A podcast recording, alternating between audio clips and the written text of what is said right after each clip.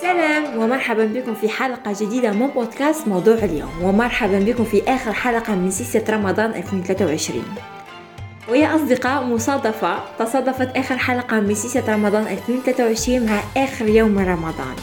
لذا من الآن رمضان مبارك لجميع الأمة الإسلامية لأنه غدا العيد وإن شاء الله يتقبل الله صيامنا. وإن شاء الله يعطينا العمر الطويل وأن نحيا رمضان القادم. وأشعر بالغرابة قليلا بينما أنا أقوم بتسجيل هذه الحلقة آخر حلقة. وأشعر يعني بالغرابة أنني أنهيت هذه السلسلة بسرعة والأكثر من هذا ما زلت أشعر بالغرابة أن رمضان انتهى بهذه السرعة. يعني أشعر كأن البارحة كان أول يوم من رمضان. يعني هل أنا الوحيدة التي أحسست أن رمضان مضى كالبرق هذا العام؟ لقد قرأت في مقال يا أصدقاء أن في آخر الزمان يعني من علامات القيامة أن تنزع البركة من الوقت. يعني الوقت يصبح يمضي بسرعة كبيرة. الأعوام تصبح مثل الشهور الشهور مثل الأسبوع الأسبوع مثل اليوم واليوم مثل الساعة. وهذه حقيقة يعني هذا هو الوقت الذي نعيشه الآن. يعني لا يوجد بركة أبدا. المهم يا أصدقاء أتمنى أنكم استمتعتم خلال رمضان هذا العام وإنكم اكتسبتم الكثير من العادات الجيدة وإنكم طورتم من أنفسكم. وبين قوسين يا أصدقاء انظروا. الكثير من الناس يظنون أن تطوير الذات يقتصر على بناء عادات جيدة ابتعاد عن كل ما هو سلبي وتثقيف النفس حول المال حول الصحة حول النفس. متقاضين أن تطوير الذات يجب أن يشتمل أيضا على الجانب الديني. يعني أغلب الناس أو أغلب الكوتشز الذين يقومون بدورات التنمية الذاتية وكل هذا دائما ما ينسون يعني ما رأيت أنا وما حضرت يعني الدورات التي حضرتهم دائما ما ينسون الجانب الديني لذلك يا أصدقاء عندما تقولون أنا أقوم بتطوير ذاتي وأريد أن أصبح النسخة الأفضل من النفس من نفسي لا تنسوا أبدا الجانب الديني منها خلال حلقتنا الأولى يا أصدقاء من سلسلة رمضان 2023 حدثتكم عن لماذا نصوم حدثتكم عن أهم أهدافي وحدثتكم أيضا عن كلام الناس وكل هذا. خلال الحلقة الثانية حدثتكم عن تنظيم الوقت. كيف ننظم وقتنا خلال رمضان؟ من حيث النوم الرياضة كل ما هو آه، كل ما يدخل في تنظيم الوقت. خلال الحلقة الثالثة حدثتكم عن قصص وعبر حدثتكم عن قصص حدثت في واقعنا. وعبر نستلهمها من تلك القصص التي تكون تلك العبر تكون بطابع ديني.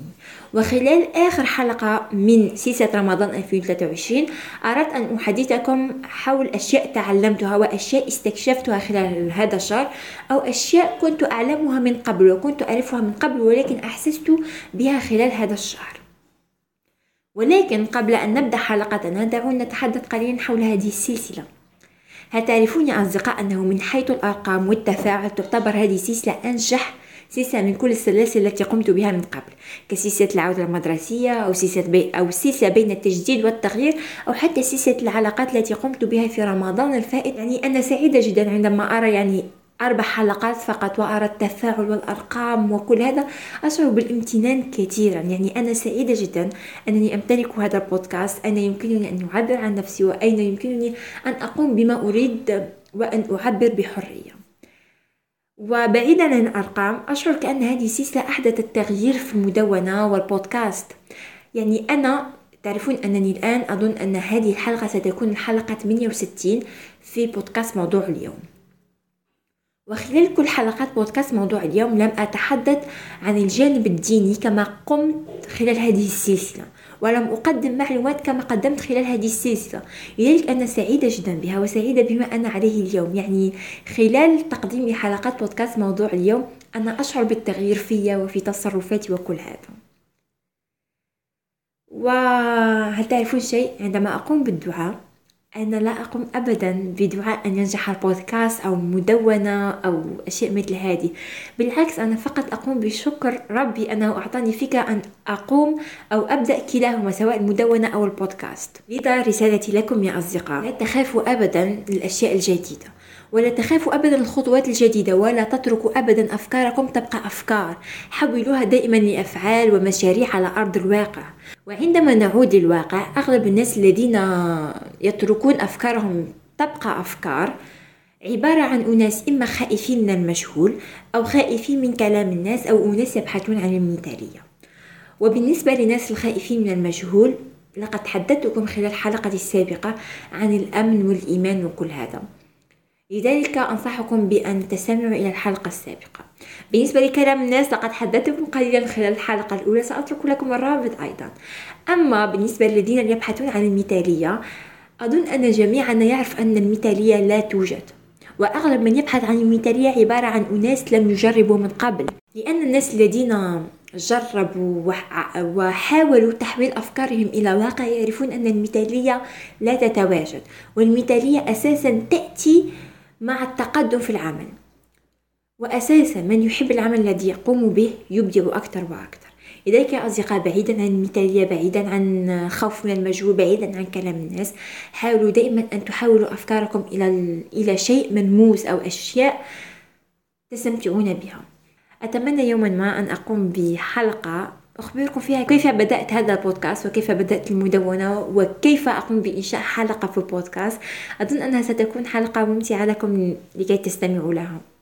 على كل حال نبدأ حلقتنا يا أصدقاء دون دون أن نجعل المقدمة طويلة جدا. كما قلت لكم خلال هذه المقالة سأخبركم بما تعلمت هذا الشهر أو أشياء اكتشفتها خلال هذا الشهر واستفدت منها بشكل كثير. والشيء الذي أريد أن أحدثكم عنه أكثر شيء الدعاء. خلال هذا الشهر قمت بتنفيذ قرار صعب قليلا. لقد حدثتكم خلال المقالة السابقة عن بعض يعني لقد حدثتكم عن القرارات. وكنت خائفة يا أصدقاء من نتائج هذا القرار خاصة على الجانب النفسي ولكن الدعاء غير كل شيء. لذا عزيزي المستمع لو ضاقت عليك الأرض وانقلب عليك الصديق وقل الحق دائما ارفع يديك لربك واطلب ما تريد. مهما بدا طلبك صعب ومستحيل لا شيء مستحيل بالنسبة للرب. وأساسا يقول الله تعالى بعد بسم الله الرحمن الرحيم ادعوني أستجب لكم. صدق الله العظيم. وخلال السنوات الأخيرة أدركت شيء كنت غافلة عنه وهو رحمة الله بعباده. يعني يعني الله رحيم جدا.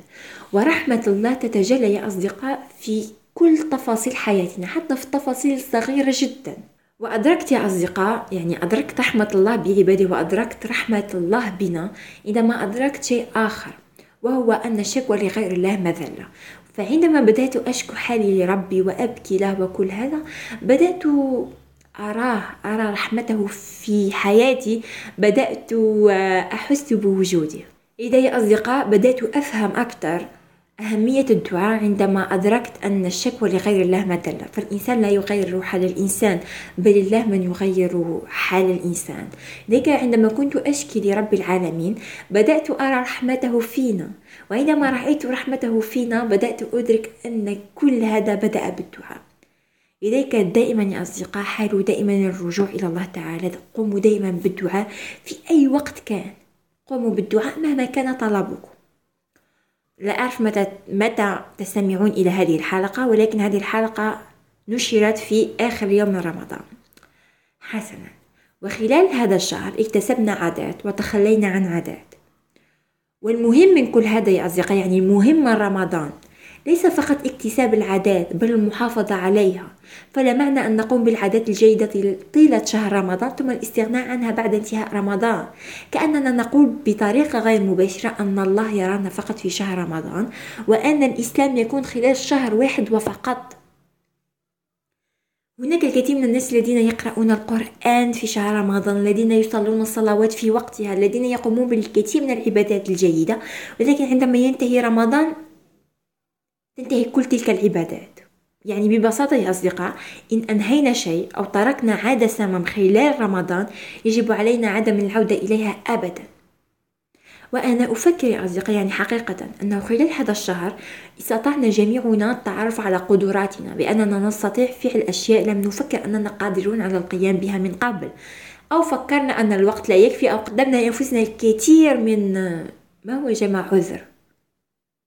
المهم قدمنا لأنفسنا الكثير من الأعذار حول أننا لا نستطيع الصلاة في أننا لا نستطيع أن نصلي في الوقت أننا لا نستطيع قراءة القرآن كل يوم وأننا وأننا وأننا لأن لدينا انشغالات. ولكن خلال رمضان يعني لم يتغير شيء. ما زلنا ندرس ما زلنا لدينا نفس الواجبات التي نقوم بها كل يوم ولكننا حافظنا على صلاتنا حافظنا على قراءة القرآن. وذلك الكثير من الناس الذين صلوا التراويح وقاموا بقيام الليل. يعني الوقت ليس عذر.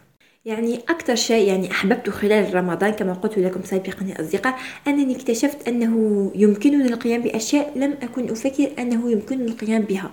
لأنني كنت دائما ما أقدم أعذار بالوقت واليوم لا يكفي وكل هذا. ولكن خلال هذا رمضان تعرفت أن الوقت ليس عذر أبدا. لذا يا أصدقاء إن كنتم تقرؤون القرآن في رمضان واصلوا. إن كنتم تصلون جميع الصلوات في وقتها قوموا بالصلاة. لا تقوم بتأخيرها. إن, إن استطعتم غض البصر في رمضان غضوه حتى بعد رمضان. فكل هذه الأفعال أساسا ليست مرتبطة فقط برمضان أو يجب القيام بها فقط في رمضان.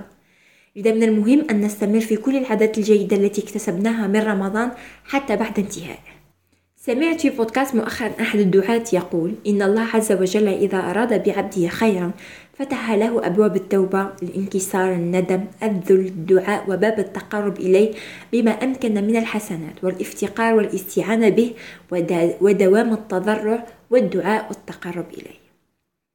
لذا يا أصدقاء لا يجب أن نكون فقط سعداء لنتقرب إلى الله ولا يجب أن نكون حزناء فقط لنتقرب إلى الله لا. كل حالة هي باب للتقرب إليه. يحكى أنه في قديم الزمان ذهب رجل إلى إبراهيم بن أدهم وقد كان من أطباء القلوب آنذاك وقال له إني مسرف على نفسي فاعرض علي ما يكون زاجرا لها بمعنى أنه يقوم, أنه يقوم بالكثير من الذنوب فكيف يمكنه أن لا يحصي الله؟ فقال له إبراهيم إن قدرت على خمس خصال لن تكون من العصاة فقال الرجل وهو متشوق لسماع موعظته. هات ما عندك يا إبراهيم. فقال الأولى إذا أردت أن تعصي الله فلا تأكل شيئا من رزقه. فتعجب الرجل ثم قال متسائلا كيف تقول ذلك يا إبراهيم والأرزاق كلها من عند الله؟ فقال إذا كنت تعلم ذلك فهل يجدر بك أن تأكل من رزقه وتعصيه؟ قال لا يا إبراهيم هات الثانية. فقال إبراهيم إذا أردت أن تعصي الله فلا تسكن بلادي فتعجب الرجل أكثر من تعجبه السابق ثم قال كيف تقول ذلك يا إبراهيم؟ والبلاد كلها ملك لله. فقال له إذا كنت تعلم ذلك فهل يجدر بك أن تسكن بلاده وتعصيه؟ قال لا يا إبراهيم هات الثالثة. فقال إبراهيم إذا أردت أن تعصي الله فانظر مكانا لا يراك فيه واعصه فيه. قال كيف تقول ذلك يا إبراهيم؟ وهو أعلم بالسرائر ويسمع ذبيب النملة على الصخرة السماء في الليلة الظلماء فقال له إبراهيم إذا كنت تعلم ذلك فهل يجدر بك أن تعصيه قال لا يا إبراهيم هات الرابعة. فقال إبراهيم إذا جاءك ملك الموت ليقبض روحك فقل له أخرني إلى أجل معدود. فقال الرجل كيف تقول ذلك يا إبراهيم؟ والله تعالى يقول بعد بسم الله الرحمن الرحيم فإذا جاء أجلهم لا يستأخرون ساعة ولا يستقدمون. فقال له إبراهيم إذا كنت تعلم ذلك فكيف ترجو النجاة؟ قال نعم هات الخامسة يا إبراهيم. فقال إذا جاءك الزبانية وهم ملائكة جهنم يأخذوك إلى جهنم فلا تذهب معه فما كاد الرجل يستمع إلى هذه الخامسة حتى قال باكيا كفى يا إبراهيم أنا أستغفر الله وأتوب إليه ولزم العبادة حتى فارق الحياة. المختصر يا أصدقاء أن رمضان كان فرصة لنا جميعا لنعرف قدراتنا وأننا نستطيع العبادة أكثر وأننا في أيامنا خارج رمضان مقصرين جدا اتجاه الله. وأساسا نعلم جميعا أننا لسنا ملائكة وأننا سنذنب ونعصي ونعصي الله عاجلا أم آجلا. والذنب لا يجب أن يكون كبير جدا لكي يسمى ذنب فالنميمة صغيرة تساوي أيضا ذنب. إذا حاولوا دائما تذكير أنفسكم بالله عز وجل وتذكير أنفسكم أنه في نهاية هذا الامتحان وهي الدنيا إما الجنة وإما جهنم. إذا خلال حياتكم عليكم أن تختاروا تصرفاتكم وتقوم بردات فعلكم وأنتم تعلمون أن النتيجة يمكن أن تأخذكم إلى جهنم أو الجنة. وهناك شيء تذكرته بينما أنا أحدثكم عن هذا وبينما أنا أقرأ هذه المقالة التي أمامي. خلال هذا الشهر يا أصدقاء تعرفت حقا على إسلامنا في تصرفاتنا. ورأيت أن كل إنسان يمكنه أن يكون أفضل نسخة من نفسه في حياته اليومية. فكم من الجميل يا أصدقاء أن نجد الناس يقرؤون القرآن في المواصلات وأن يحترم كل إنسان الآخر وأن يغض الجميع أبصارهم في الشارع وأن أخطأ, وإن أخطأ أحد يذكره الجميع فورا برمضان بالإسلام. عندما عدت للدراسة يعني خلال شهر رمضان خلال الأسبوعين الأولين كنت عطلة. وخلال الأسبوعين الأخيرين عدت للدراسة يعني كنت أدرس في الجامعة ثم أقوم بالتربصات في المستشفى وكل هذا. وعند خروجي يا أصدقاء لقد تفاجأت. يعني سبحان الله يعني لا أجد الآن الكلمات لكي أعبر ولكن كنت سعيدة جدا أن أرى الإسلام في تصرفات الناس. وتمنيت حقا أن تكون كل الأيام رمضان وأن يكون في عقل الجميع فكرة أن كل يوم رمضان وكل يوم هو فرصة جديدة لتوبة وخلال هذا الشهر يا أصدقاء بدأت شيء لم أكن أخطط له أبدا وهو قراءة السيرة النبوية كاملة. جميعنا درسنا على نبينا محمد صلى الله عليه وسلم في في الابتدائي أو المتوسط أو الثانوي. وجميعنا يعرف القليل عنه وعن صفاته. ولكن أجميعنا يعرف سيرته؟ لا. لذلك قررت أن نقرأ سيرته فنحن كمسلمون يجب أن يكون نبينا هو قدوتنا العليا التي نتطلع أن نكون مثلها وأن نشابهها في أفعالنا وأقوالنا. ويا أصدقاء هل تعرفون شيء؟ لقد بدأت. يعني لقد قررت حقا أن أبدأ بالسيرة النبوية بعدما عندما كنت أقرأ القرآن وأحاول فهمه. لم أفهم الكثير من الأحداث في القرآن لأنني كنت لا أعرف حقا سيرة النبي يعني لا أعرف الكثير عن الأنبياء. ومن هنا قررت أن أتعرف أكثر على ديني. وبدأت القراءة عبر الإنترنت ولكن الآن يعني أريد كتاب ورقي أعود إليه في الوقت الذي أريده. لذلك الأسبوع القادم سأشتري ثلاث كتب حول السيرة والدين وسأش... وسأشارك العناوين معكم عندما أشتريها وأعجب في الأخير أتمنى أنكم قد استغليتم العشر الأواخر بالدعاء لله والصلاة. صدقوني لقد بكيت لله في العشر الأواخر ما لم أبكي عام كامل. لأنني أدرك أن الله قادر على تغيير حالتي وحياتي بشكل كامل. وأعرف أن الله قادر على تيسير أموري وحل عقدي وعلى تحسين نفسيتي. لذا أتمنى أنكم قمتم بالمثل. ونحن من نريد السعادة. هل تعلمون شيء؟ الصلاة إيمان وهي أم العبادات وهي الركن الأعظم بعد الشهادتين وهي من أفضل الأعمال لله تعالى وبعيدا أنها قاسم مشترك بين جميع الأديان فهي ميزان يقاس بها إيمان العبد. وإن تذكرتم خلال حلقة السابقة حدثتكم عن كيف نجد الطمأنينة النفسية وكيف نجد الأمن وأنه يجب أن نجد كما أخبرتكم أن نجد الأمن في حياتنا والذي يكون بتقوية الإيمان. وأقصر طريق لكي نحافظ على إيماننا ونقويه هو الصلاة. إذا حافظوا على صلاتكم فهي يعني كما قلت لكم أهم طريق لتقوية الإيمان وإيجاد الراحة النفسية. وحسنا. أظن أن هذه ستكون آخر فكرة في حلقتنا. صديقوني أصدقاء أني كل مرة وأنا أتحدث إليكم أو عندما أكتب المقالة أقول ستكون هذه الفكرة هي الفكرة التي أختتم بها حلقتي إلا أنني, إلا أنني أجد فكرة أخرى أريد التحدث عنها. ولكن هذه هي الأخيرة. يا أصدقاء تذكروا أنه يمكنكم دائما أن تقرروا طريقة تفكيركم. فإذا اخترتم أن تفكروا بإيجابية ستستطيعون أن, أن تزيلوا الكثير من المشاعر الغير مرغوب فيها فالأفكار السامة السلبية هي ما تعيقكم دائما عن تحقيق الأفضل لأنفسكم ولغيركم. واليوم أردت أن أشارك معكم سر عرفته مؤخرا. نعرف جميعا أن الابتسامة صدقة. لكن هل تعرفون أنه عندما تبتسم يفرز دماغك هرمون الأندروفين؟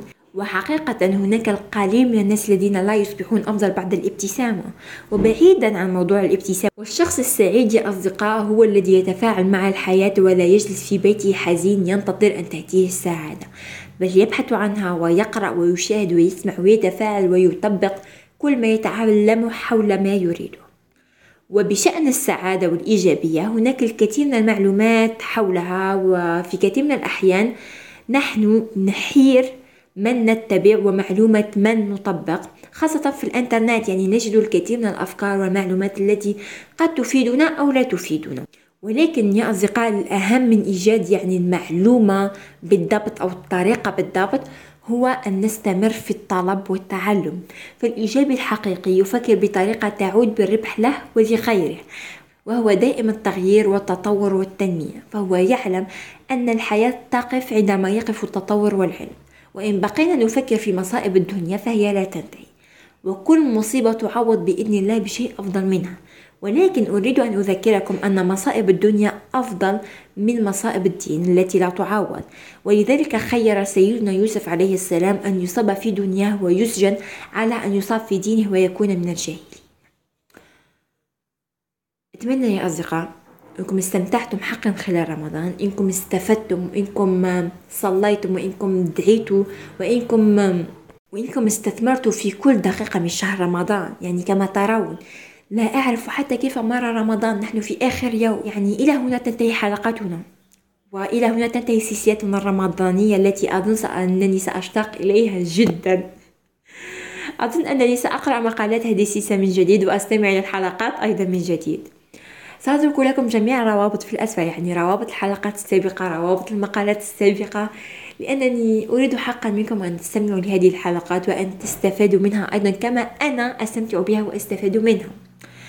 وكما قلت لكم يا أصدقاء أتمنى أنكم استفدتم واستمتعتم بهذه السلسلة.